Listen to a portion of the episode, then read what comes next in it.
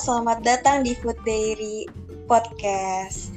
Oke teman-teman, gimana nih kabar kalian hari ini? Semoga selalu sehat ya.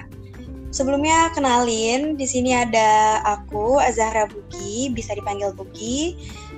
Dan ada temen aku juga yang bernama Safitri Kumala Dewi, biasa dipanggil Safitri. Nah, teman-teman, kali ini aku dan Safitri bakalan berbincang-bincang santai aja sih mengenai makanan enak, murah, dan sehat ala anak kos. Nah, pasti kalian penasaran banget dong, apa aja sih makanan yang enak, murah, dan sehat ala anak kos itu?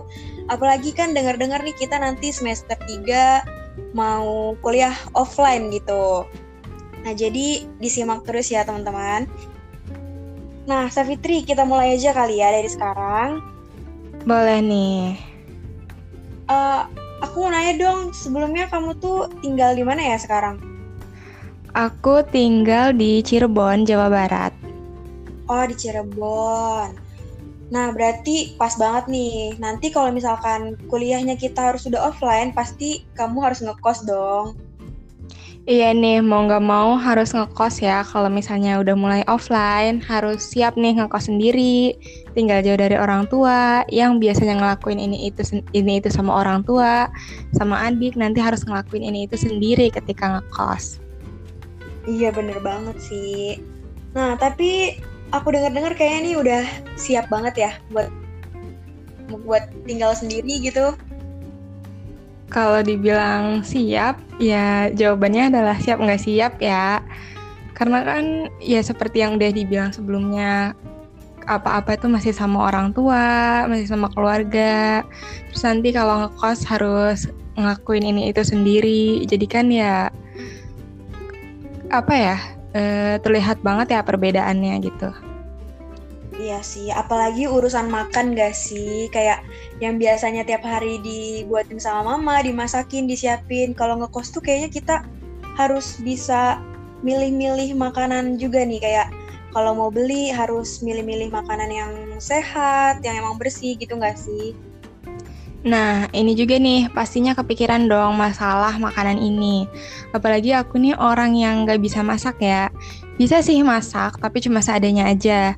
Kalau gitu berarti aku harus cari tempat makanan yang bisa dijadiin langganan, yang pastinya bersih dan juga murah ya, karena sebagai anak kos harus pinter-pinter ngatur keuangan supaya tercukupi semua kebutuhannya.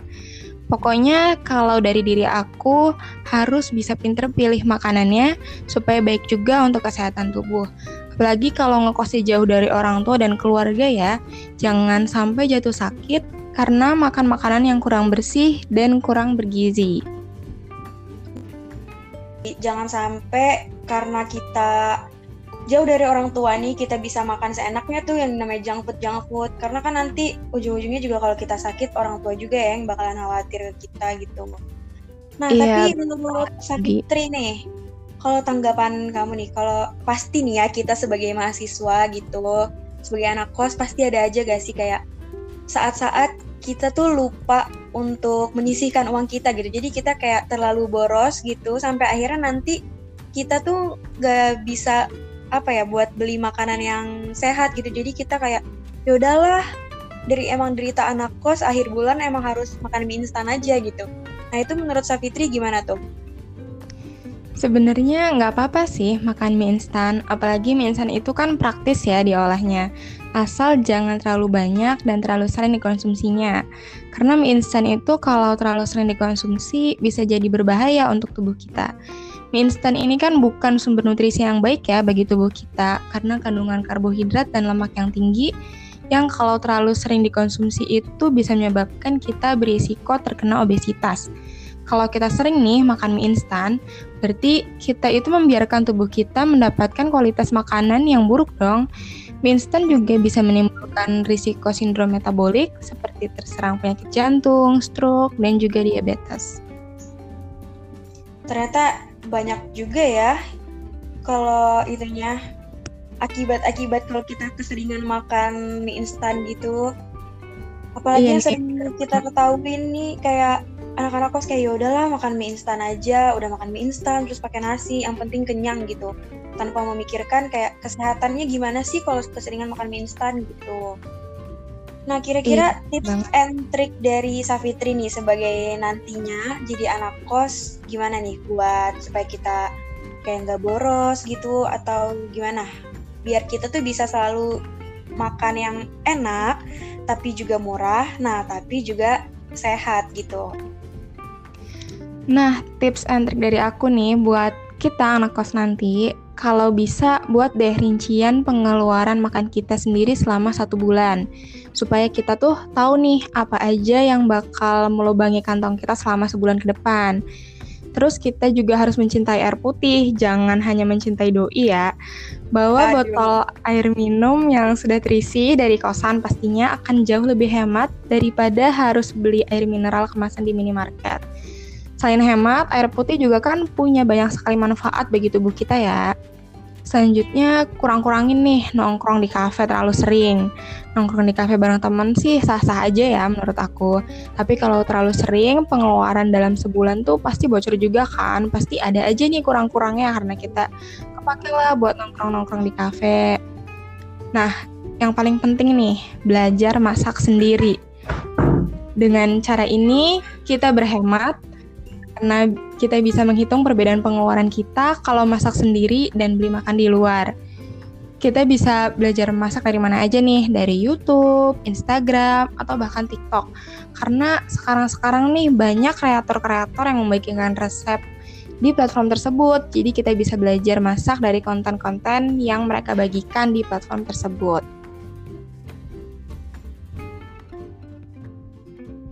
Sama and trick dari Safitri tadi sekarang tuh mudah banget deh. Mau akses kayak resep makanan olahan yang emang mudah tapi juga terjangkau sama anak kos. Jadi kan kita juga masih tetap bisa sehat gitu ya bisa menghemat pengeluaran juga tuh. Jangan keseringan nongkrong-nongkrong. Siapa nih yang masih suka nongkrong-nongkrong aja nih? Minum kopi tiap hari. Padahal lambungnya nggak kuat tuh.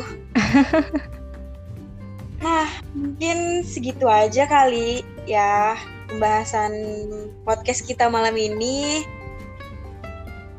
Aku rasa segitu aja. Kalau dari Safitri mungkin ada mau tambahan apa lagi nggak? Eh, cukup kalau dari aku. Nah oke. Nah semoga perbincangan kita malam ini bakalan bermanfaat buat teman-teman semua yang mendengarkan podcast kita. Semoga juga nanti buat teman-teman yang ngekos bisa bermanfaat.